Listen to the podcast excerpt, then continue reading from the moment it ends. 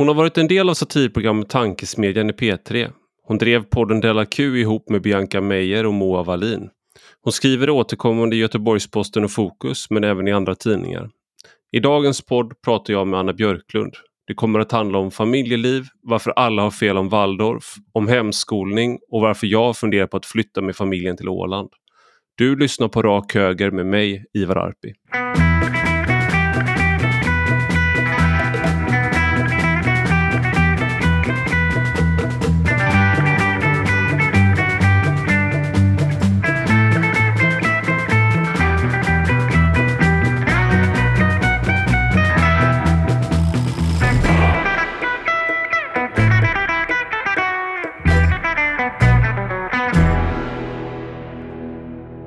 Men välkommen Anna Björklund till Rak Höger.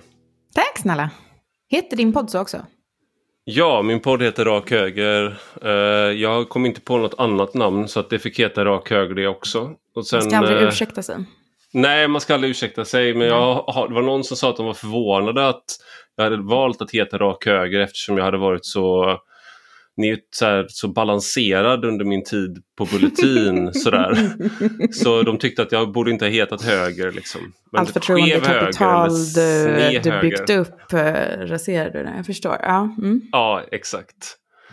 Eh, jag tänkte vi skulle prata om saker du har skrivit. Eh, folk har mm. läst dig i, liksom på olika ställen. Men en sak som jag reagerade på som det heter. Det var mm. när du skrev om den här. Eh, nu har det gått ett litet tag men eh, det gör ingenting. Eh, och det var när du skrev om Solviksskolan i Järna. Den här eh, Waldorfskolan som det har varit en dokumentär om där alla tillsammans är väldigt upprörda. Mm. Eh, den SVT-dokumentären heter De utvalda barnen. Och alla var väldigt upprörda och eh, det var så hemskt och det verkar säkert ha varit också. Men då var liksom slutsatsen som alla skulle dra. ja, precis. Men slutsatsen som alla drog var ju liksom, eller det verkade så, det var att vi kan inte ha sådana här experiment eh, som med Waldorf och sånt. Vi måste stänga ner skolor. Just ja. Majoritetssamhället du... måste liksom ta över, eh, de, eh, täppa till de sista små, små andningshålen. Nu ska det liksom bli en helt hermetiskt sluten. ja. ja. Jo, men det, det, för det, är, det är det enda sättet att undvika liksom, att barn eh, misshandlas på daglig basis. Du tog upp det där liksom att det var hemskt, skrev du tror jag. Eh, en skola som inte liksom premierar att bara sitta still och bli helt liksom Ja, exakt. Ja, men för lite det som, alltså det handlade då om, de, de, de sprang ju runt mycket i skogen. Eh, och sen så när Skolverket kom dit för att kolla hur den, alltså det här var inte en, en vanlig Waldorfskola kan man inte säga, utan det var liksom lite inom, eh, alltså under någon slags Waldorf-etikett var det egentligen ett projekt att inte ha en skola överhuvudtaget. Vilket ju eh, folk lite runt om i världen har experimenterat med. Jag vet inte liksom, men, men, ehm, men det brukar ju, ehm, i Sverige så är det ganska ovanligt liksom. Det, det är till och med förbjudet med hemskolning här. Liksom. Eh, och, men, så då, mm. då var det ett litet experiment som de eh, höll på med. Att, liksom, kan man, eh, om, om vi inte kan slippa det här med skola så kan vi i alla fall ha en skola där det inte eh, som inte är en skola på något sätt. Där barnen fick då vara, alltså eh, leva lite som någon slags vilda djur. Och det verkar ju haft liksom för och nackdelar. Men, men, men min poäng var väl lite så här att, att för många pratade då om, eh, som hade gått på den här skolan, att, att lärarna liksom favoriserade barn som tog för alltså som var så framåt, som var liksom lite utmanande, som var modiga, alltså så fysiskt modiga också, att de liksom sprang och hoppade och liksom eh, klättrade högt. Och, och då var de så här, ja det var jättehemskt för det gjorde ju att barnen gjorde sig illa ibland, liksom någon bröt armen och mm. någon skadade ryggen och så här. Och, och jag tänker bara liksom att eh, alltså min barndom som, som liksom hästtjej var också ganska mycket så. Eh, och, och för mig var det ganska naturligt och det tror jag det är för ganska många barn. Medan, medan i, i den, den vanliga skolan där, alltså jag hade ju eh, redan på min tid så att säga, så det var faktiskt flera killar i min klass som liksom medicinerades för att hålla sig lugna, för att liksom anpassas till den liksom, modellen. Som ju var lika o... Alltså, de hade ju ett lika tydligt så här, barnideal. De hade ju också utvalda barn, så att säga, i den vanliga mm. skolan. Fast i, i den skolan så var det inte de som hoppade längst, utan det var kanske de, de tysta, duktiga tjejerna. Liksom.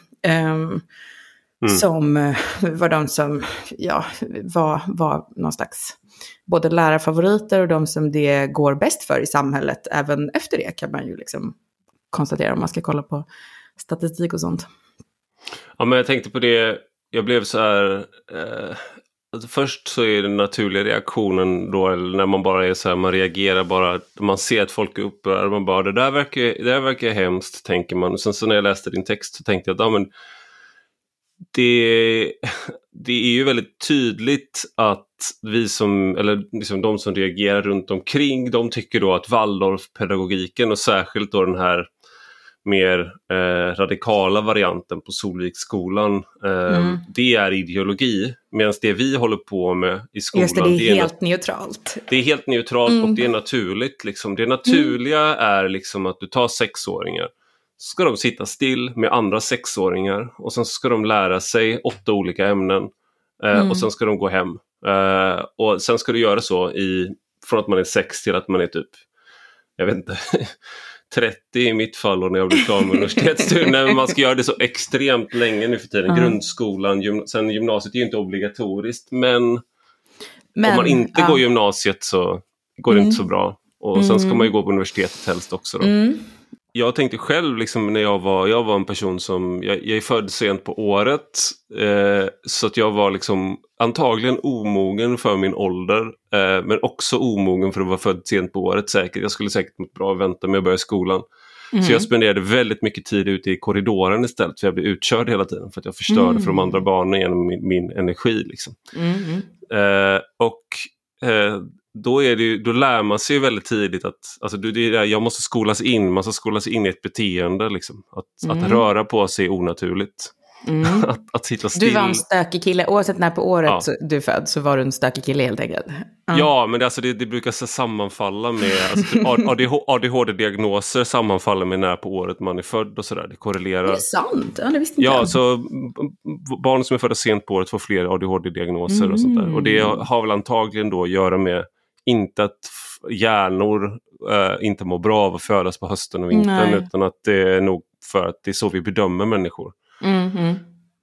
Men du, eh, alltså det jag tänkte på lite med den här, för du tar också upp så här i den här texten att i Silicon Valley då, där alla de här, de som gör de här beroendeframkallande apparna, Mm. Uh, där är ju den tekniken... Precis, våra nya overlords. Mm där är ju den här Waldorfpedagogiken väldigt populär. Uh, ja, precis. Jag tror att Andreas Cervenka skrev ganska många grejer om det. Uh, jag tror att det är han i alla fall. Men, men att, um, för att Waldorfpedagogiken är ju, um, mina barn började på ett Waldorf-lekis för någon månad sedan. Eh, och eh, den, de är ju, alltså förutom att det är liksom mycket med det fysiska, att det är bra liksom att lära sig, eh, liksom dels använda sin kropp, men också lära sig sin kropp på något sätt. Alltså de, de jobbar ju liksom med dans och musik och sådär också. Eh, men det är också, eh, den är väldigt teknikfientlig, liksom. Eh, eller mm. överlag skeptisk till, liksom, ja, men kanske lite skeptisk till det moderna projektet kan man väl säga. Och, mm. och det försöker ju också den här, den här dokumentären, jag vet inte hur mycket vi ska prata om det, men den, gjorde liksom, den skulle ju då liksom avslöja, avkläda antroposofin lite grann. Att, um, att prata om att det finns så här, ja det här, ja antroposoferna de tror ju att det finns ett så här yttre hot liksom som kommer den moderna världen som man måste liksom fjärma sig ifrån, som man måste eh, hålla stånget på med olika metoder. Så här. Och, och det de fick det att låta flummigt i filmen, men, men det är ganska, en ganska korrekt beskrivning av eh, mångas vår vardag. Liksom, att det finns ett liksom, pockande hot eh, på något sätt. Alltså, eller hot, men det, det är liksom någonting som eh, eh i tekniken och i det moderna samhället som man, hela, alltså, som man ändå, jag tror är bra att aktivt typ förhålla sig till på olika sätt. Och, och kanske inte, alltså både du och jag jobbar ju med internet på olika sätt. Liksom. Så man behöver ju inte eh, stänga ute den delen av världen helt, tror jag just nu i alla fall. Jag kan byta åsikt, i så fall hörs vi aldrig mer. Men, men liksom, eh, jag, jag, tror ju att man behöver ha en strategi inför sånt där. Liksom. Och, um, och det, och det fattar ju då de som jobbar med tech också, för de, de äh, vet ju liksom, alltså hur, det, det är ju väldigt så här, ja, det, det, här kanske folk har koll på nu för tiden, men, men det, det är väl, det, alltså det kallas ju liksom den, äh, den limbiska kapitalismen, eller hur? Alltså att företag, äh, liksom, det de, de, de, de där pengarna finns att tjäna nu är inte där man tillfredsställer liksom riktiga fysiska behov så att säga, utan, utan det, det, det man, eh, de liksom riktiga eh, vinsterna finns att göra, det är där man kan skapa ett beroende. Alltså man, mm. man, får det limbiska, man utnyttjar det limbiska systemet i hjärnan helt enkelt. Och, och det har man gjort liksom genom historien också. Alltså att, att man liksom alltså att Ostindie, vad heter de? Ostindiska kompaniet. Alltså när den globala handeln liksom började så var det ju just sådana varor som var tillräckligt beroendeframkallande. Alltså socker, kaffe, droger, eh, liksom eh, ja, kanske vissa kryddor också, det kanske är lite mer så här allmän njutning, men det är ändå i dopaminsystemet på något sätt. Det är, de ja. som, det är där de stora vinsterna finns att göra. Och, och det mm. gäller ju i högsta grad nu också när eh, det är liksom eh, de dopaminberäknande liksom, apparna som tjänar pengar. Just det. Men opiumkriget, opiumkriget. utkämpades på 1800-talet. Det var alltså man skulle kunna tänka sig att det var, det var britterna och Frankrike som eh, allierade sig mot Kina och anledningen var inte att de ville ha opium utan det var att de ville tvinga kineserna att acceptera att de skulle få sälja opium till kineser. Mm, just ja. Det var kineser vill inte, eller mm. Kina vill inte ha någonting. Eh, ja. Apropå mm. kapitalism. Men eh, det är ju en det är intressant för att jag, när man har barn så blir det ju, är det ju väldigt mycket så att säga som handlar om barnens... Eh, alltså det här är ju ingenting nytt som du säger, det finns ju i... Men man, att man har skärmar till barnen så vill de de vill bara kolla. Det är liksom det enda de det. Ja, eh, ja. Det, det om, man väldigt... inte, om man inte liksom om man inte tvingar dem att göra någonting annat. ja, jo, precis. Eh, ja, men det, alltså på barn märks det ju så här extremt tydligt för att barn är ju så naturligt pundiga. Liksom. Eh, jag har inget bättre ord för det, men de, det är liksom... De inte, det, det, är ju så, alltså, om de vet att det finns godis i huset så blir de ju galna. Alltså, de, är ja. liksom, de har väl inte den impulskontrollen antar jag att det handlar om. Eller så är de bara så extremt njutningslystna på något sätt. Ja. Men och lite så är det Eh, ja, så eh, det, det, vet väl, eh, vi, vi sköt på det, eh, liksom, vi har haft olika strategier. Men, men, men alla behöver ju ha en strategi. Vi har ett barnen ja. från 18.30 får de titta på tv och då kollar de också, de, de, har ingen iPad eller så, de får inte spela spel. För det tror jag, då blir de helt tokiga i min, i min teori. Så att de får kolla ja. på typ samma filmer som jag såg när jag var liten. Men det räcker ju, alltså de blir galna av det med. Liksom. Tjeckisk eh, dockteater. Exakt, för det ja. tänker jag är beprövat. Exakt, det är vetenskapligt beprövat i DDR. Det, ja, det, Men det där, det där, vi har ju, jag blev väldigt inspirerad av Amish ett tag. Eh, mm. Så att jag bara snöade in på liksom att man ska ja. inte hålla på med modern teknologi. Eh, så jag, slut, jag typ installerade massa så här, eh, istället för att sluta helt, för jag kunde inte för jag jobbade på Svenska Dagbladet, så installerade jag massa mm. så appar på datorn som kunde blockera alla störande moment. Så man kan liksom så här, man kan kategorisera olika aktiviteter mm. som är produktiva och störande. Mm. Uh, och så kategoriserar man dem och sen så blockerar man alla störande moment så du kan liksom inte gå in mm. på någonting roligt, du kan inte göra något kul, du kan inte starta några roliga program. Uh, och sen kunde man också begränsa liksom, internetuppkopplingen till olika tidpunkter. Uh, så att jag mm. hade liksom office hours. Och sen mm. slutade jag att kolla på saker, slutade hålla på med telefonen. Och ja. så var jag jätteinspirerad av Amish. Liksom. Okay. Eh, men eh, det funkar sällan i längden för sen så händer det någonting som måste man liksom få tillgång. Bland annat händer det att jag hamnar i olika drev. Eh, antingen att jag startar ett själv då eller att jag utsätts för ett. Och då måste man ju gå in och liksom hålla koll sådär. Om man råkar skriva att... Eh, Krishantera, det är därför. Precis, det var krishanteringen som gjorde att... Eh, liksom, men det var också ofta att man har då sätter igång saker. Och nu, nu, hade jag faktiskt en period här när jag var ute på landet där mm. eh, jag hade eh, mobiloperatören 3 och de har ingen uppkoppling här ute. Så då naturligt så hade jag ingen på en, under en månad för det var jättesvårt att byta. Så mm. hade jag ingen uppkoppling. Mm. Eh, och då har jag liksom mått mycket bättre och sen så fick jag tillbaks då bytte jag abonnemang eller bytte operatör till Tele2 så jag kunde liksom surfa som vanligt och sådär. Och började mm. genast sova sämre, bli mer irriterad, liksom håller på med telefonen. Ja, du fräscha kanyler i, i huset liksom och, ja. och kunde inte hålla det. Nej, nej, men jag fattar. Jag fattar precis. Det är, så här, det är dubbelt för det du tar upp i den här texten och sen så har vi inför att vi skulle spela in det här har vi pratat om, eh, om de här grejerna också. Men mm. eh, å ena sidan så ska du ju så sitta sitta still i klassrummet så att du är liksom passiviserad där rent fysiskt. Å andra sidan så söker du liksom dopaminkickar på skärmarna. Um... Ja, och jag tycker ju lite så här, alltså de, de två grejerna eh, har ju med varann att göra. Alltså för att eh, eh före kickarna gick att få på ett annat sätt. Eh, så, så um, var det ju, uh, som jag minns det i alla fall, för jag minns liksom ett skifte någon gång när jag gick i högstadiet. Liksom, att de mm. killarna som förut bara sprang runt, liksom, vi, vi, kallade dem för gröten, de rörde sig i någon så konstig formation, liksom, liksom, det var liksom inga urskiljiga individer, utan de liksom Eh, eh, de som liksom bara sprang runt och, och liksom talade osam, alltså liksom brölade mer osammanhängande. Plötsligt liksom var det så var det en, en, liksom, en andel av dem som försvann. Eh, för att då liksom, eh, eh, jag vet inte om det var liksom att Counter-Strike hade blivit stort, att de liksom fick hålla på med det. Eh, men det var väl en kombination av det och nätporr kanske. Mm. som liksom, och, och, och då var ju de tysta. Så det var ju liksom, alltså alla var ju på ett sätt nöjdare med det. Alltså deras föräldrar var säkert nöjdare för att de var inte då lika liksom jobbiga. Alltså de, mm. de satt still.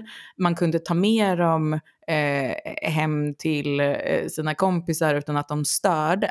Men istället så, så ja, det, det, alltså allting har ju en alternativkostnad hela tiden. Liksom. Och det, mm. det är lite, alltså det, jag tycker alltid det är konstigt att, uh, att det inte riktigt kommer, ja jag vet inte. För så tänker jag, alltså om man kollar på typ historien så är det ju alltid så det fungerat. Alla stora revolutioner, alla stora skiften går liksom, alltså de, de kommer ju för att de ger någon slags, någon slags vinning. Ofta så är det mm. att man blir rikare. Liksom. Mm. Eh, och, men, men liksom från typ alltså jordbruksrevolutionen, alltså, ja, det, det, det, uppenbarligen så, det finns ju inte så många jägare och samlare kvar i världen, så uppenbarligen så var det väldigt framgångsrikt liksom, att, att börja vara bofast istället och mm. inte behöva strypa en hare varje kväll till middag. Liksom. Uppenbarligen så funkade det. Men, men det var väl då, liksom, alltså det hade ju också nackdelar. Vi, till exempel så blev människor mycket kortare då, mycket mindre. Ja. Liksom.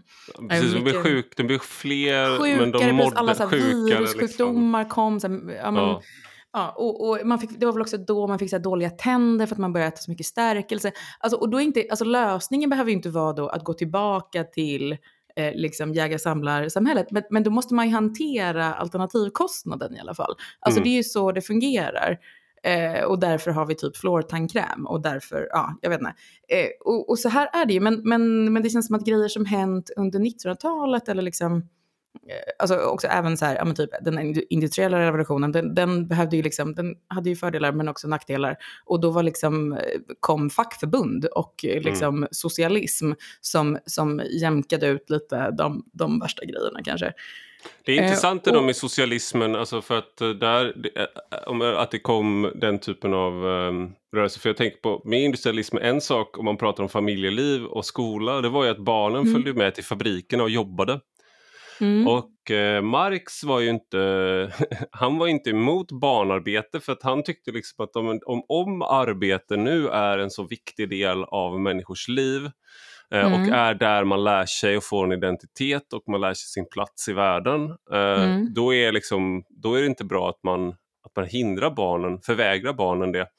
Jag kan inte svära på att det var exakt så han uttryckte sig, för det var ett tag sedan jag läste min Marx. Eh, men men då, det man vände sig mot var väl liksom att det var väldigt otryggt och sådana saker.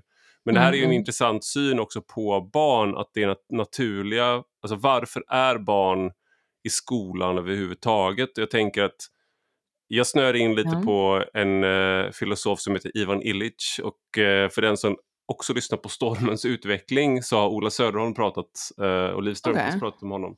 Och okay. en, han skrivit, skrivit en bok på 70-talet som heter Deschooling Society där han just är inne på att Ja, men då vet, är det, visst är det han som också, är han också eh, kristen eh, på något hardcore sätt?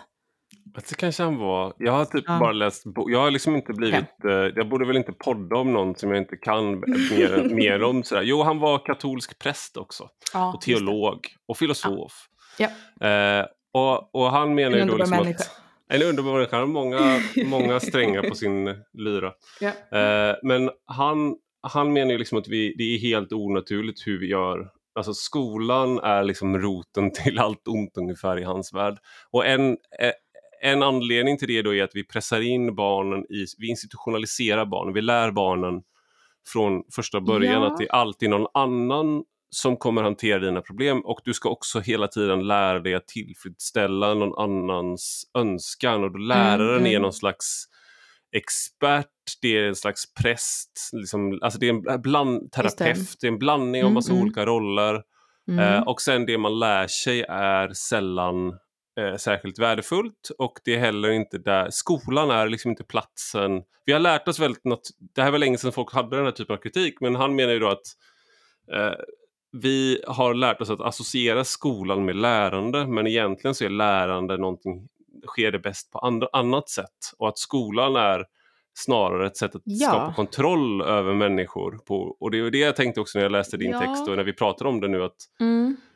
man blir ju liksom som en passiviserad av, av skolan eh, på många sätt. Ja, precis. Alltså det, eh, jag, jag har... Eh, ja, alltså så här. Jag tycker det är lite, vad ska man säga? Men jag har tänkt till exempel på, på engelska skolan, alltså det, det, i den här väldigt eh, långa enträgna friskoledebatten till exempel, då har man ju haft så här en, ehm, en, ehm, en förklaring som är så här att eh, alla duktiga medelklassfamiljer, alla som är rika och begåvade, eh, typ, mm. skickar sina barn till typ då engelska skolan eller en friskola liksom, som har en profil som attraherar dem.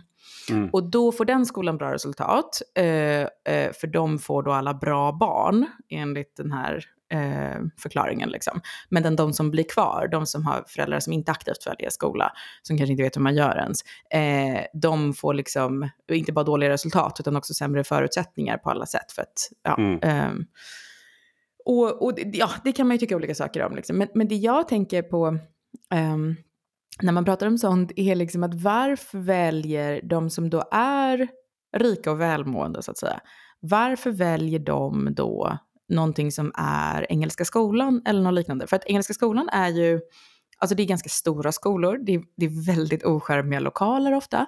De har mm. så stora klasser som med, och, och ganska auktoritära lärare som liksom, alltså det, det är ganska hårt från ung ålder, det är jättemycket disciplin. Um, och, mm. och och varför då? Om man känner så att ja, men, eh, mitt barn är ganska duktig och har ganska goda förutsättningar, så här, varför skickar man dem då till en militärskola? Typ. Mm. Alltså det, det, tycker jag är så intressant. Varför känner, om man, eh, borde inte vara så här, ja men, nej, men eh, vi, vi har vårt hyfsat på det torra, eh, det, det, här verkar som att det kommer gå bra, eh, då kan vi väl istället ha det lite trevligt. Varför är liksom föräldrars instinkt motsatsen? Varför det. Vi, det där fattar inte jag. Och det är lite så här, Um, det, det, är något väldigt så grundläggande i uh, vad, vad, liksom, alltså vad är typ uh, samhällsprojektet just nu? Förstår du vad jag menar? Alltså vad ja. är, så här, vilket är idealet som man vill typ uppfostra sina barn till? Vad är det vi alla håller på med? Vad är liksom målet? Det, mm. det, jag fattar inte det. Nej. Faktiskt. Och jag fattar nog, alltså helt ärligt så fattar jag nog högerns mål minst av allt. Eh, faktiskt. Hur tänker du då? Ja men alltså, för jag tänker mig att liksom eh, engelska skolan, föräldrarna så att säga, är, eh, det, det, är ju eh, högermänniskor, det är ett högerprojekt på något sätt. Eh, mm. och det behöver inte vara dumt i sig, men jag förstår det inte riktigt. Alltså det, eh, jag tycker också liksom, alltså typ det socialdemokratiska projektet är ju också lite vilse om man säger så. Men, men och det, det, alltså det här kände jag också eh, när jag själv gick i skolan, liksom, att det, um, att det, det, jag förstod inte syftet liksom. Jag förstod inte, eh, det var ingen som kunde berätta för mig. Var det liksom att jag skulle, skulle anstränga mig för att bli anställningsbar? I det projektet? Alltså vad, vad, in, vad betyder det? För att sen så, eh, eh, det, det, är så outtalat på något sätt. Alltså alla pratar liksom om, om att liksom, barnen måste få bättre resultat och, bättre, och liksom höja sina, statistiken måste upp på olika sätt. Men jag tror det handlar om att ingen vet liksom alltså vad, vad, vad är nästa steg? Förstår du? Mm. Alltså det, det är någon slags så här... Jag tror, att jag, var, jag tror inte jag var tillräckligt mogen för att tänka så som du gjorde. Däremot hade jag en sån här uppdelning väldigt tidigt mellan att man har en skolmentalitet och liksom lärandementalitet som jag pratade om med mina mm. yngre systrar. Att de, om de tycker någonting är intressant, fastna inte i en skolmentalitet. Men det mm. måste man ju göra. Det är egentligen den här, liksom, ja, kommer det på tentan? Kommer det på provet? För att ja, någonstans precis. så är det, om jag var intresserad av någonting, det blir ju någon, om du blir väldigt intresserad av någonting, så du mm. verkligen vill lära dig det och behärska det, mm. då går det ju ut över alla de andra skitämnena som du läser. Jag menar, ja, jag vet att syslöjden är, eh, jag har pratat om det här med min fru och hon är, jätte, hon är ju väldigt duktig på liksom allting som har med kläder och design och sånt. Så när jag pratade ner syslöjden så sa hon att det där var något av det roliga. Men det är för att mm. folk är olika. Men jag menar då kanske det hade varit mm. rimligt för henne att läsa så här, hålla på med syslöjd 50% av tiden ja. i skolan. Och för ja. mig kanske det hade varit mer relevant att hålla på med, jag vet inte, historia och sånt som jag verkligen var, som jag verkligen brann för då. Mm. Eh, men, men jag fattade ju man... liksom inte varför ska Anna Björklund lära sig att hoppa höjdhopp? Eller, eller ja, då i mitt fall inte lära sig att hoppa höjdhopp. Liksom. Vad, vad är syftet med att tvinga mig att göra det? Det var, ja. var ju heller ingen som, eftersom jag ställde den frågan, var, jag, jag vet ju liksom att det var ingen som kunde svara på det. Utan, det står i alltså, läroplanen, så du ska ja, lära dig det. Precis. Ja. Fast jag liksom kunde stå under ribban när de andra hoppade, de som kunde. Liksom. Alltså, det, ja. det är himla meningslöst. Men, men ja, nej men, för, precis, men det, det, det som, eh, jag tror det är någon så här, inte det typ Platons definition av lycka, nu kanske jag eh, citerar mig inte, men, men, liksom, men att, att, eh, att eh, lycka har väldigt mycket med att ha ett ideal att göra. Ett ideal mm. som man liksom eh, alltså ett, och det, det, är ju ett annat ord för liksom kanske ett mål, eller typ mm. ett sammanhang. Eller en, att man har en känsla av att det man gör har någon slags eh, betydelse, syfte, eh, något sånt. Och, och det, eh, om alla ska göra exakt samma saker, Eh, så, och, och, och liksom utan ett uttalat syfte, utan att det är liksom, om man frågar efter syftet så blir folk typ sura på en. Eh, alltså ja, det, det, är ju ja, det motsatsen det till... Ja, men ja, precis. Det, mm. det, alltså, för det, det stämmer också med så min, min Eh, eh, när, när jag blivit äldre sen och märkt så här att nej men, nej men det handlar, eh, alltså jag ska också säga, jag var, ganska, jag var duktig i skolan liksom, jag, men, men eh, jag skolkade mycket men jag fick höga betyg. Men, liksom, men det, eh, det jag lärt mig sen är ju att det, det, de jag känner som gör någonting som, som de verkligen, eh, vad ska man säga, tycker om, det, de är nästan alltid autodidakta. Alltså mm. det, gäller, det gäller min man, det gäller mig, det gäller min pappa. Det, min, min syrra tog sig faktiskt igenom en hel läkarutbildning men, men hon gör någonting helt annat nu. Alltså jag känner mm. jättefå mm. människor som, som faktiskt eh, att det de gör på dagarna är det de har lagt liksom 20 år på att plugga in. För att det verkar inte fungera riktigt så. Utan Nej. Eh, utan ja, det kanske funkar i, de, i liksom den, någon slags del av samhället som fungerar som ett förvar. Men ja, jag, jag vet inte, det, det, Men det är väl också där som är en... Vad är det man... Eh, varför går man i skolan? Jag tänker på eh, den här boken av... Eh, jag vet inte hur man uttalar hans namn, så det är väl någon typ av rasism. Men Kazuo Ishiguro som skrev mm. Never Let Me Go som blev en film också med uh, Keira Knightley typ 2005. Ja, men, ja. mm, men där, mm. den, där är det ju liksom, ja, de, de det handlar om är någon slags kloner av andra människor. Mm. Eh, och, men de går då i en skola och får liksom bli undervisade och det är en väldigt liksom, bra undervisning och sådär. Men de vet mm. också så att de kommer att liksom de är kloner, någon, någon får reda på det. Men mm. de har var, varje, varje år tror jag det är, eller varje termin så har de utställningar av deras konst. Eh, mm. Som de så här auktionerar ut i det, i det, verkliga, det omkringliggande samhället. Då, liksom. De har sådana här mm, mm, utställningar. Mm. Eh, och man får priser och det är liksom väldigt viktigt liksom att man kämpar för att vara med i den här utställningen. Och sen när de då har blivit de här klonerna sen har eh, blivit vuxna då, är de ute i samhället och har några år innan de då deras organ kommer att eh, tas till eh, riktiga människor då, liksom, så att mm. de dör väldigt tidigt. Man använder liksom mm. deras eh, kroppar. Mm. Eh, och då, då är det några av dem som spårar upp eh, några av de gamla lärarna då, för då har den här fina skolan lagts ner och så frågar de liksom, vad var syftet med liksom, den här utställningen? Och då får de reda på att det där var ju bara liksom någon, det var ju inget syfte egentligen. Utan det där var bara, Nej, alltså alla var... kämpade för det där, utan det där var bara någonting som de gjorde för att visa att titta, de kan liksom de här klonerna också. Mm. Och jag tänkte, då tänkte jag bara så här, antingen kan man jag vet inte, man kan tolka det på så science fiction-sätt, men jag tänkte mm, mer på att men det är så där det är att gå i skolan. ja. Alltså att man ja. bara, ni, ni, ska bara ut eh, sen i samhället och så ska ni liksom göra skit. Uh, ni ska bara göra de här jobben men, men det är så jävla viktigt att du, att du har ritat en fin enhörning mm. när du går i liksom mm. femman. Och bara mm. åh, nu gör vi en utställning av det. Som om det är någon som bryr sig. Ja, precis. precis. Alltså, för, mm, mm. Det, jag såg faktiskt, eh, det var ju i och för sig, Johannes Nilsson eh, skrev en artikel om Waldorfskolan för att han, han är uppvuxen i Järna vad jag vet. Han har gått i Waldorfskola där i alla fall. Och ehm, eh, då var eh, hans kritik var nog faktiskt, alltså om jag får sammanfatta lite så var det typ i alla fall att ja, men, eh, vi liksom övade på konst hela dagarna men eh, sen när vi kom ut i den verkliga världen så ehm, eh, fanns det liksom ingen, vad ska man säga, alltså då eh, vi, det var som att ja, men, vi förbereddes på liksom ett liv som skulle vara fantastiskt, men så fort skolan tog slut så, så tog det fantastiska slut också. Mm. Alltså då var liksom, eh, det, det, deras liksom konstnärskap de hade jobbat på då hela deras skolgång var liksom, eh, ja, sen, sen var det någon som ändå tyckte att, men ska du inte gå en socionomutbildning? Alltså, ja. eh, och, och, och den liksom gråa verkligheten trängde sig på på något sätt. Men då tänker jag att, alltså, det finns ju också någonting som bara är så här, alltså att, ja men just det här att leva efter ett ideal. Alltså uh, som är kanske att syftet efter det kanske är att föra vidare samma sak till typ nästa generation.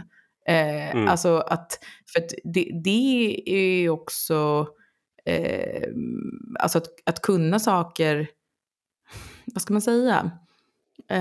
Det låter kanske motsägelsefullt, men, men alltså för jag tycker också att det, det är väldigt kul att lära sina barn saker. Det är det här ja. som är det konstiga med skolan. Alltså det, låter som, det kan låta som att, jag, eh, att man är någon slags motståndare till kunskap, men det är nästan motsatsen. Liksom. Alltså, ja, exakt, det är jättekul att vara med sina barn. Det är jättekul att lära sina barn saker. Det är jättekul att se dem utvecklas och sådär. Eh, men, men det är ju det som liksom inte riktigt händer i liksom, den vanliga skolan. Utan, alltså, eh, Förstår du vad jag menar? Eller det är klart att det händer. Ja, liksom. ja men det, men, det är men så här, det, när, man läser, mm. när man läser, när man läser liksom Strindberg i skolan, då är, blir det ju någon sån här...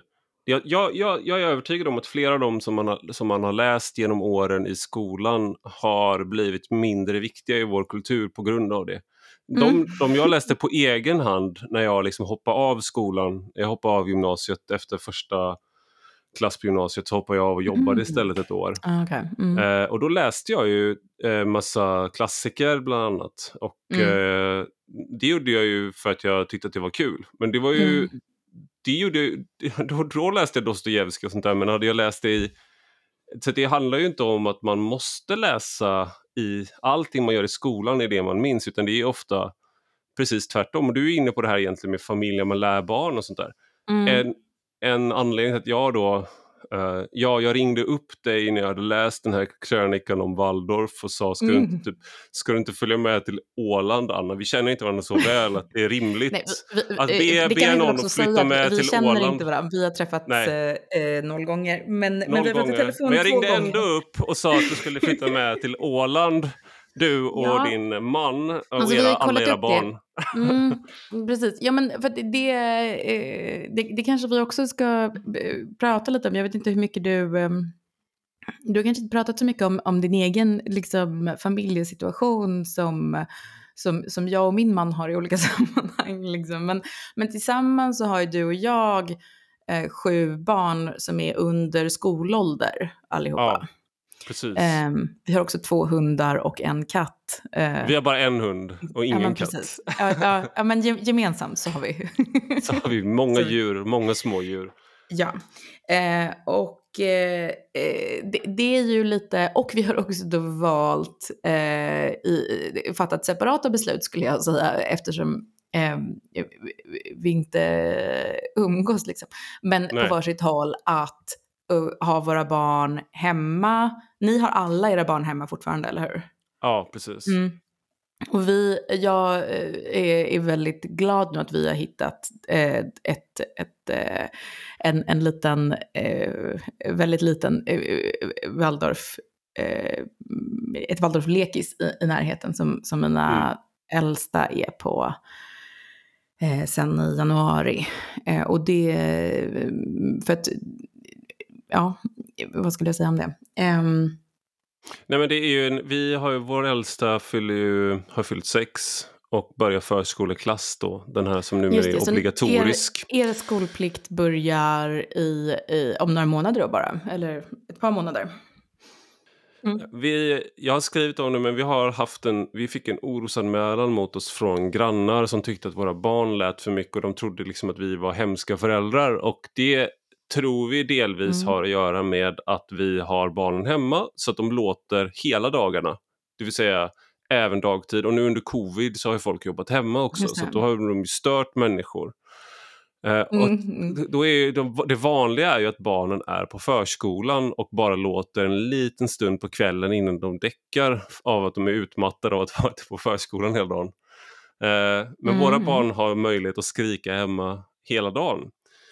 Så det där har påverkat oss då, liksom mm. att, hur man ser och sen också en annan sak då med att vår livsstil, att vi insåg att det här är det konstigaste med oss för att alla barn är på förskolan och våra barn är inte det. Och då har jag mm. fått oss att börja tänka på liksom, ja, men till exempel en sån här sak som att det är inte obligatoriskt att ta barnen till BVC, men om du inte går med barnen till BVC så gör de en orosanmälan på dig. Det är inte obligatoriskt att gå med barnen till tand... Ja, Aha, och det är samma sak med mm. tandläkaren. Så att om du, det är inte obligatoriskt att gå till tandläkaren med barnen. Eh, men om du inte går med barnen till tandläkaren så gör de en orosanmälan. Så du har, enorm, du mm. har väldigt många sådana kontroll instanser på barn. Och så tyckte jag liksom att... Just det, för, för vi, ja, men jag undrade alltid över det när man går på den här treårskontrollen hos tandläkaren. För det enda de gör då är ju att räkna tänderna i barnets mun och ge dem ett klistermärke och sen är man klar. Och jag bara, varför gjorde vi det här? Mm. Eh, och då ställer de också frågor mm. så här, borstar du barnets tänder? Eh, ja, ja, precis.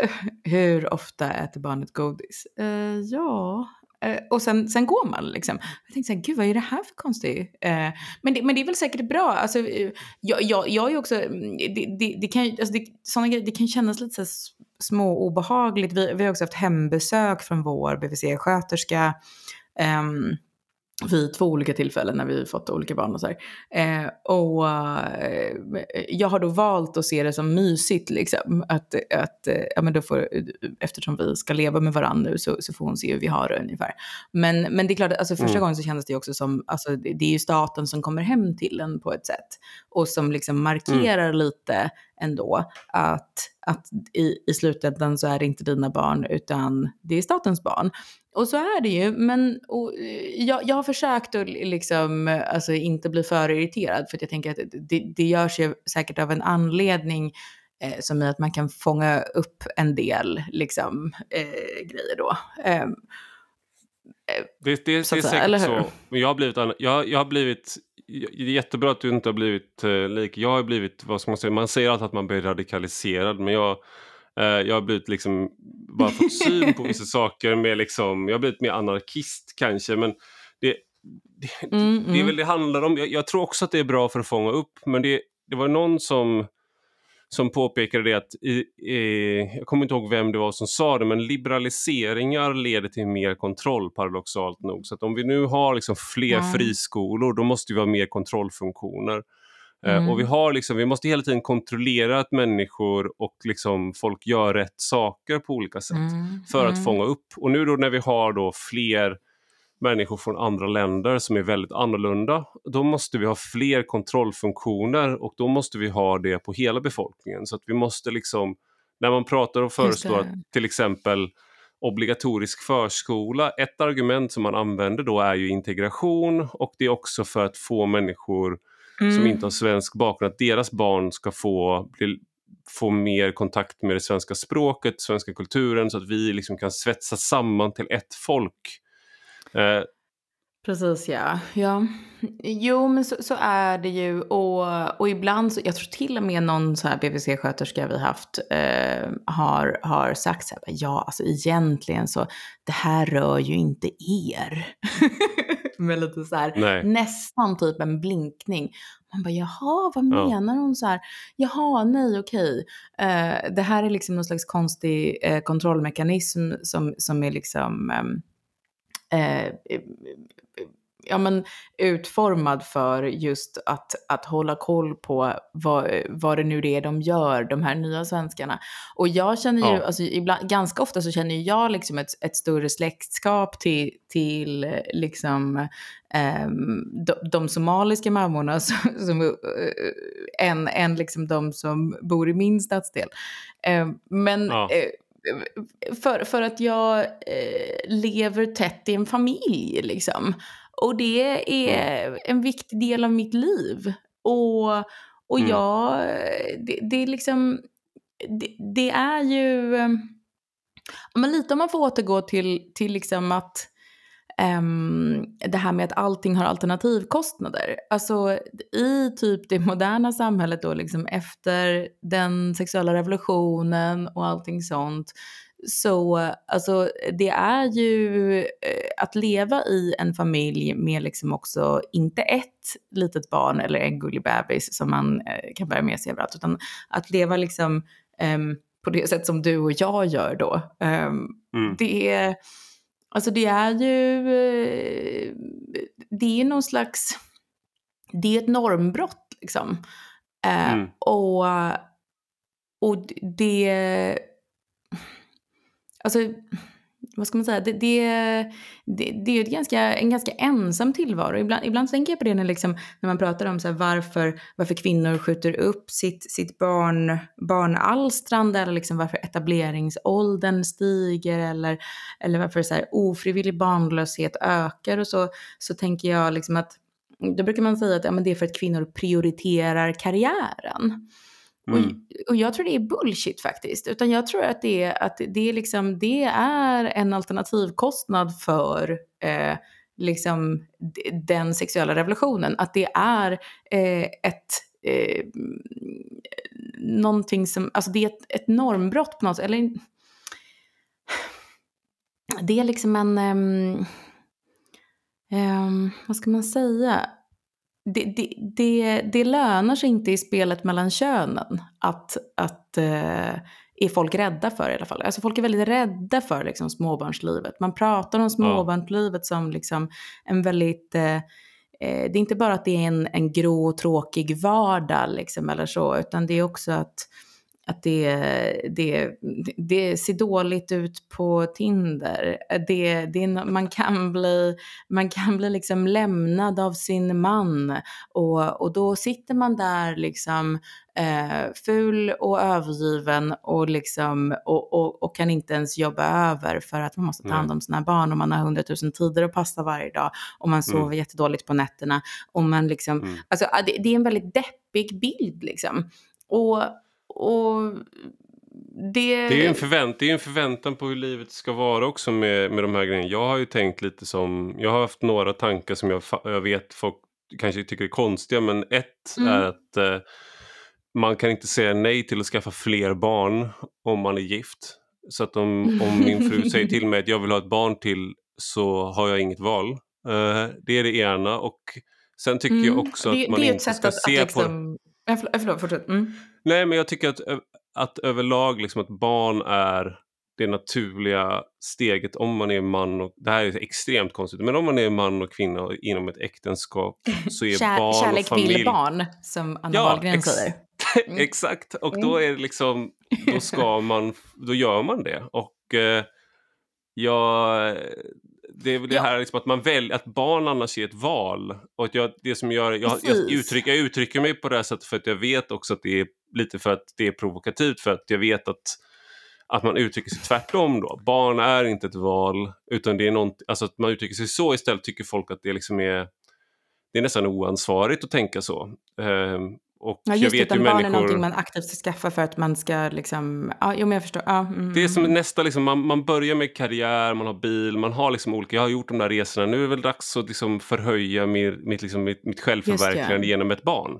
Nu, har, men jag nu när vi har utvidgat vårt bolån och har, och har lite, några fler kvadratmeter och har, nu passar det med ett barn. Precis, och jag mm. tänker tvärtom, det är där, kanske därför yeah. också då som Förlåt, eh, förlåt älskling, men nu säger jag det igen. Det är därför vi bor i en tvåa och har fyra barn. men de är så små. Att, ja, men de är så små. Men vi, liksom, vi, tanken var ju så här när jag hoppade på Bulletin var att vi skulle liksom, med den lönen så skulle vi kunna få köpa ett hus. Sen hann ah, vi inte det, så nu bygger vi en vägg istället. Mm, och, mm. Sådär. Så att nu kommer de få ett rum då, och få alla fyra dela på det rummet. Då. Jag förstår. Det, om det, det liksom om det inte livs... blir Åland för er. Men, men, ja, jag, jag Precis, förstår. och på Åland då, för de som inte vet det, där får man hemskola barnen. Det är därför ja, som jag bjöd med. Det är därför det finns så, politiska, så svenska politiska flyktingar på Åland. Eh, ja. För att vår livsstil då, eller ja, jag, jag, vet inte om det är vår livsstil, men, men eh, vi får ju se. Men, men den ja. livsstilen i alla fall är ju då på ett sätt kriminaliserad i, i Sverige. Eh. Så att då får man helt enkelt fly till Finland. Nej, men, men det, det, det, det som är grejen med de här med att, med att så här, eh, när man väljer att leva så som, så som du gör och så som vi gör, det är också att om man ska vara filosofisk då, du har ju citerat Platon nu, så att då tänker jag kan också vara men vad är en familj? Att man tänker att så som eh, man levde tidigare så var ju barnen en del av eh, hushållet. Alltså jag, följer några ja. mormoner på Instagram som hemskolar yes. sina barn i, i Utah. Uh. eh, och då är ju barnen med, alltså då är det typ så här, de har sex barn så att de, är, de, har, de har sjukt många barn, men barnen mm. är ju med och gör saker på, eh, då är det, de har en gård då, några som jag tänker på. Det är Ballerina Farm, jag kan rekommendera alla att följa det kontot på Instagram. eh, och det är liksom, barnen är ju med och gör saker på gården och lär sig saker och är med och sen så har de ju hemskolning också. Eh, så du har, då är ju de, så att säga, det en familj är för dem, det är ju inte bara liksom att man eh, ger lördagsgodis, ger leksaker, gör några aktiviteter på kvällen, nattar. Utan det är också att man gör saker tillsammans som är man har en uppgift som Precis, barn i familjen. Ja, och alltså, lite så har vi ändå, äh, även om, alltså vi bor ju i, i Stockholms innerstad, liksom, men lite så går, går att göra även i ett, ett, alltså där man inte mjölkar sin egen mjölk till frukost. Och så. Alltså, även om det kanske är ännu skojigare äh, på något sätt. Så Um, vi har ju nära till, till Skansen så vi har varit mycket där. Men, men det är liksom... kanske någon som tittar snett om ni börjar mjölka bufflarna liksom. Just det. Um, ja, kanske. Ja, men, så vi, alltså det, det, men det är ju lite, det är lite begränsande att bo i en stad. Uh, det är det ju faktiskt. Men, uh, men å andra sidan så har vi promenadavstånd överallt och eh, ja, det finns lite så här. Men, men eh, vi har ju velat mycket var, vi ska bo och så där. Men, men, men Åland är då ett alternativ. Men, men jag vet inte. Men eh, vad skulle jag säga? Jo, men ehm, att, att det är ju eh, verkligen också ett sätt som alltså man kan lite så här, hitta ett, ett tredje alternativ. Alltså om ett alternativ är alltså lite att välja att isolera sig på något sätt och liksom inte vilja vara med i samhället alls. Eh, det har ju, alltså det tror jag faktiskt har nackdelar, kanske särskilt för barnen, att det blir lite ensamt liksom. Mm. Eh, faktiskt, eh, det, det tror jag. Eh, och det då, ska man, då, ska man ha väl, då ska man ha väldigt många barn i så fall. för att liksom, då ska det vara 10-12 barn eller någonting. Precis, och väldigt mycket kompisar som har fri, mycket fritid som, som kan komma och hälsa på en så att det liksom händer någonting. Men, ja. Eh, men det, det, men och det andra, om det andra alternativ, alternativ två är liksom att totalt underkasta sig liksom det väldigt gråa och tråkiga majoritetssamhället som, som man själv inte tycker så mycket om och verkligen inte egentligen vill att, att ens barn ska behöva lida i. Eh, kanske särskilt då om det är typ en pojke med spring i benen som kanske inte kommer ha det så lätt i, i liksom, eh, skolan eller, eller vad det nu kan vara. Liksom. Det, alltså, det, det, kan ju finnas många anledningar. Då, eh, det vill man vill hitta är ju ett tredje alternativ och jag tror Waldorf kan vara lite ett sådant alternativ. Det kanske är där vi kommer hamna, jag vet inte riktigt. Um, mm.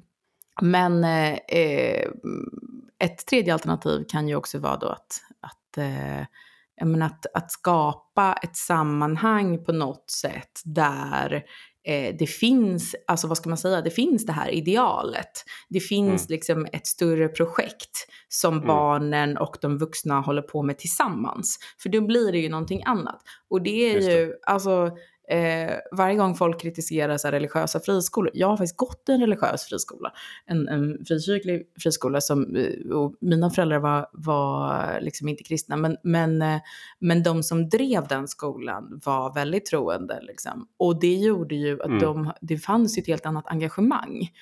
Eh, så det, det är liksom mina absolut bästa skolor, för att de var så eh, liksom, det, det fanns ett, ett, högre kall, de visste vad de höll på med. Liksom. De visste vad målet var för dem. Eh, mm. och, och det där är, eh, det, och det, det, tänker jag liksom, alltså det vet säkert liksom, alltså de som startar en islamistisk friskola. Det är, alltså mm. på vissa sätt tror jag att det är en bättre skola än, än, äh, än många av liksom de äh, gråa kommunala där det här projektet är väldigt frånvarande. Alltså för de har ju, det finns ju en, en poäng med att ha en skola. Det är inte bara för att mm. man måste eller för att man någon gång råkade söka en lärarutbildning och nu sitter där. Liksom. Mm. Utan det finns en anledning. Och, mm. och det tror jag, alltså det, det kan vara viktigare än ganska mycket. Liksom. För det ger en energi. Och, men, och då tänker jag att man skulle ju också någonstans, eh, alltså man borde kunna hitta ett tredje alternativ Alltså även vi som inte är islamister borde ju kunna hitta ett tredje alternativ någonstans. Vi borde ju klara det egentligen. Men det verkar som att det är väldigt svårt att starta sekter om man inte har religion. För jag tror att det är det vi försöker göra här. Just det. Uh, och, uh, ja, men, och det, det, är väl det som är också då, det tydliggör ju det här med att det finns en uh, offentlig liksom, eller officiell ideologi som är vattnet vi simmar runt i. Och det är liksom mm du ska bli, du ska kunna sitta still, du ska kunna göra de här grejerna, du ska följa, du ska lyda och sen så ska du också vara Ja men det är någon slags hbtq-certifierad eh, liksom verk, verksamhet, det är lite olika värderingar, det är en värdegrund och allting handlar om att du ska förverkliga dig själv på olika sätt och mm. eh, som individ. Medan då till exempel om du är då en islamist då har du radikalt annorlunda vision som inte ryms inom det. Det vill säga du har en annan syn på människor. Samma med Waldorf, äh, ja, delvis då. Ja, precis. Det, fin det, finns en övertygelse. Alltså jag tror inte att, mm. alltså egentligen religionen är inte, för att eh, när, när jag då gick i religiös friskola, så religionen var inte någonting som, alltså det var inte det man höll på med hela dagarna så att säga. Utan, men det fanns liksom en inramning eh, mm. för, alltså en anledning för alla att gå dit varje dag. För att det var liksom, ja det var ett livs projekt mer. Liksom. Många av lärarna så bodde runt, alltså i närheten av skolan och så. De hade liksom valt det livet verkligen. Det var ett Ja. aktivt liksom. ehm, medan i, liksom det, det eh, i, i liksom inom de, ehm, den sven, de svenska, i, alltså i det svenska majoritetssamhället, alltså i, nära där mina föräldrar bor till exempel så, så var det till och med alltså det är det jag menar att religion inte behöver någonting med att göra. För de hade en Präst i Svenska kyrkan som skulle vara då liksom ansvarig präst för de, eh, eh, ja, flera kyrkor då för att det är så eh, låg aktivitet där eh, Mm. numera. Ehm, och, och då ingick det en prästbostad. Mm. Och hon vägrade att bo i den. Och det blev liksom en rättssak. För att hon tyckte att det här är ju ett jobb som alla andra och jag måste kunna bo prick vad jag vill. Eh, Ja. Alltså det blev någon slags arbetsrättslig tvist då. Att prästen fick en prästbostad genom sitt arbete. Eh, alltså så lite av ett kall kan det ju vara att hålla på med religion menar jag.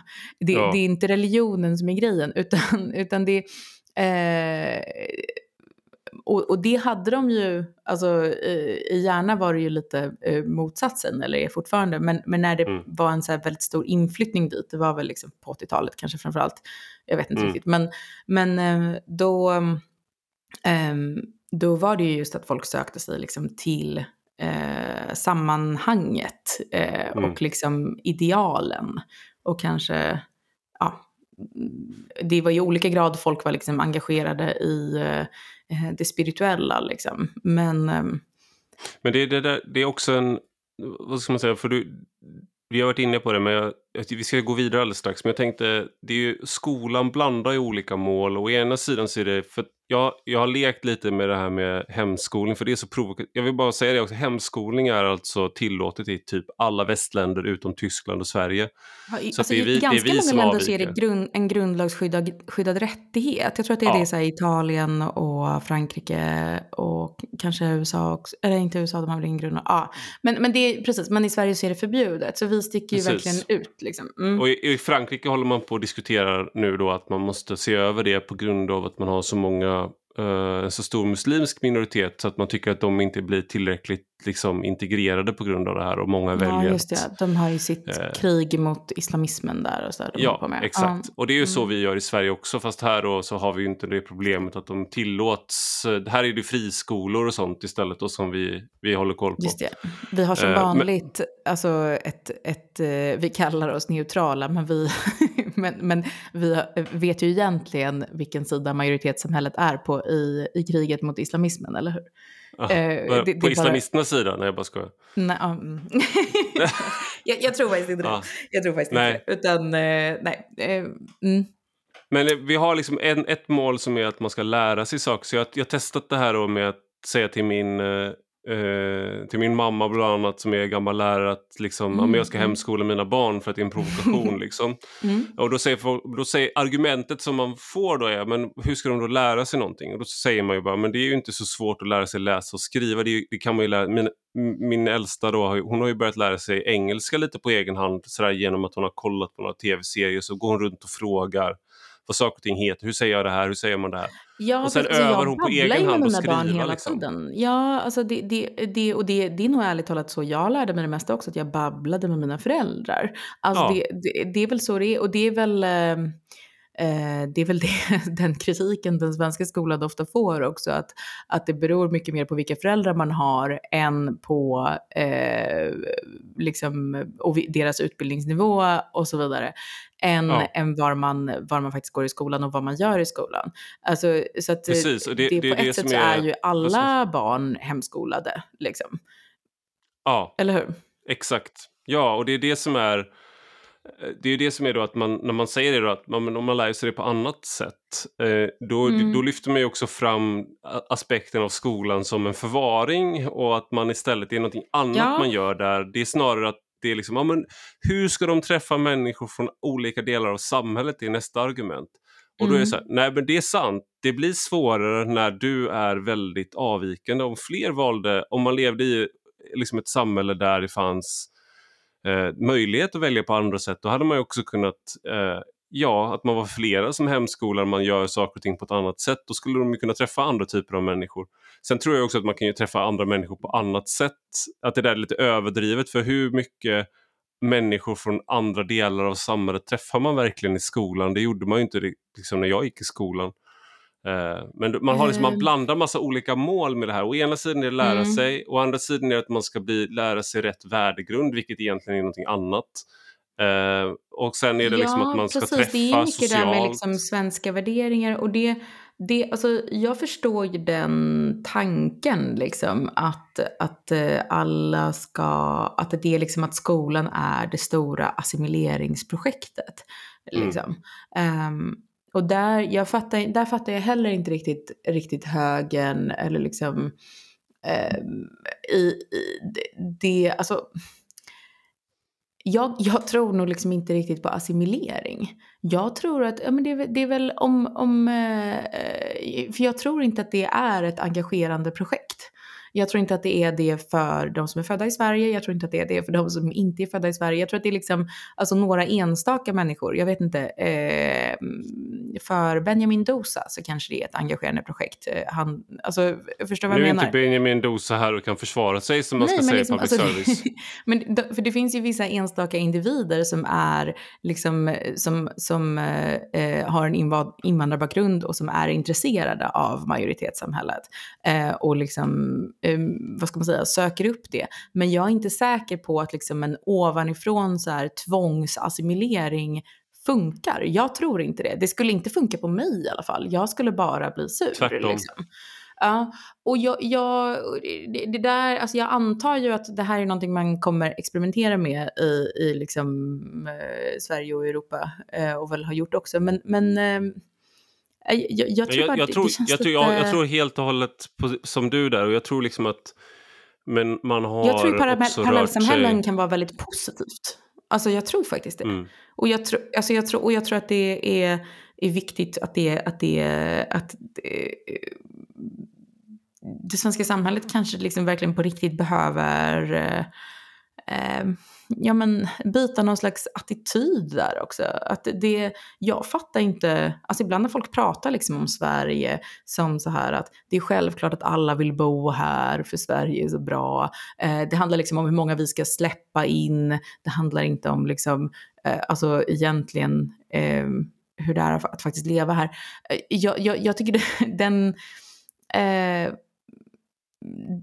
den svenska självbilden liksom är väldigt märklig där. Att, liksom att alla ska tillåtas, släppas in i det svenska samhället. Mm. Ja, men, men vad innebär det? Vad betyder det? Har, alltså hur mycket av svenskt samhälle finns? Alltså är inte den svenska kulturen, otro, alltså lider den inte av en otrolig ensamhet även för de infödda egentligen? Alltså och av en väldigt jag tycker det känns som en jävla farsot som jag hoppas inte sprider sig. Det vore väl jättesynd av de som har liksom fungerande familjer och släktband om de ska liksom eh, med någon slags statligt våld typ tvingas bli eh, så här eh, deprimerade och ensamma eh, liksom mm. samhällsmedborgare. Ja, men det här, är ju, det här är ju en, å ena sidan så är svenskheten bara en, ett annat ord för modernitet. Där ja. liksom man ska bli, du måste kapa alla band som konkurrerar med staten och med ekonomin. Så du ska, ja. bli, du ska bli medborgare och du ska bli produktiv, punkt. Alla, alla band, om det så är familjeband som är liksom bakåt i tiden till äldre släktingar, till kusiner, till eh, mm. De ska bort. Om det är något annat band som konkurrerar som är liksom väldigt starkt till typ ett gäng, det är inte heller bra. Eh, eh, eller liksom alltså, man kan, jag tycker man, man, kan, man, kan, man kan få vara mot typ eh, organiserad brottslighet, det tycker jag är okej. Men ibland har folk pratat om klaner till exempel, så tänker jag så här, Jo men, men, det är intressant med organiserad brottslighet med mc-gängen när de kom. Uh, Då var det uh. ju också, det var ju en del av eh, 60-talets motkultur. Att, som handlade ah, om, eller liksom, som mm, handlade om ett, att leva ja. mot liksom, det majoritetssamhället. Att man tyckte att det var för, alltså, Mm. det, var, det uppstod ju då. Sen att de blev liksom eh, de här one percenters som var då Ja. liksom, det kom ju från att det var någon som sa typ att en procent av mc-gängen är kriminella ungefär. Och då var det Ja. liksom en egen identitet de tog sig an. Men det finns ju liksom en, en eh, det, det finns ju ett, ett, ett, när du tar kulturer som har väldigt starka familjeband till exempel, då är ju Mm. det en direkt konkurrens och ett direkt hot mot de här stora liksom, systemen som vi har, där vi har liksom blivit väldigt individualiserade. Mm. Vad kan man höra dig härnäst? Vad gör du härnäst? Ja, vad gör jag? Jag, jag, äh, jag skriver i eh, äh, GP, jag skriver i Fokus, jag skriver ibland i Expressen. Äh, och så kommer jag börja göra podd igen i, framåt hösten. Mm. Eh, eller jag kommer faktiskt, jag och min man kommer ha, om, vi, om, man, nu ska, eh, om man nu är intresserad av vårt eh, familjeliv så, där, så tror jag vi kommer göra en liten, en liten följetong med våra resor genom Sverige. Så vi kommer göra någon slags minipoddserie eh, någonstans. Eh, ja, den borde börja imorgon för då eh, åker vi på vår första lilla resa i alla fall. Okej. Eh, och ehm, om man vill veta var så heter jag Anna Björklund på Twitter och eh, Anna Kattlund på Instagram då. Tack Anna Björklund för att du var med i Rak Höger. Tack snälla Ivar. Eh, tack till dig som har lyssnat. Och har du några frågor eller synpunkter kan du mejla mig på ivar.arpi gmail.com. Ehm, och det här är alltså en del av Rak Höger med Ivar Arpi som även är en publikation som ni kan gå in på ivararpi.substack.com om ni vill läsa vad jag skriver också. Tack och Det hej! är väl kul. Ja.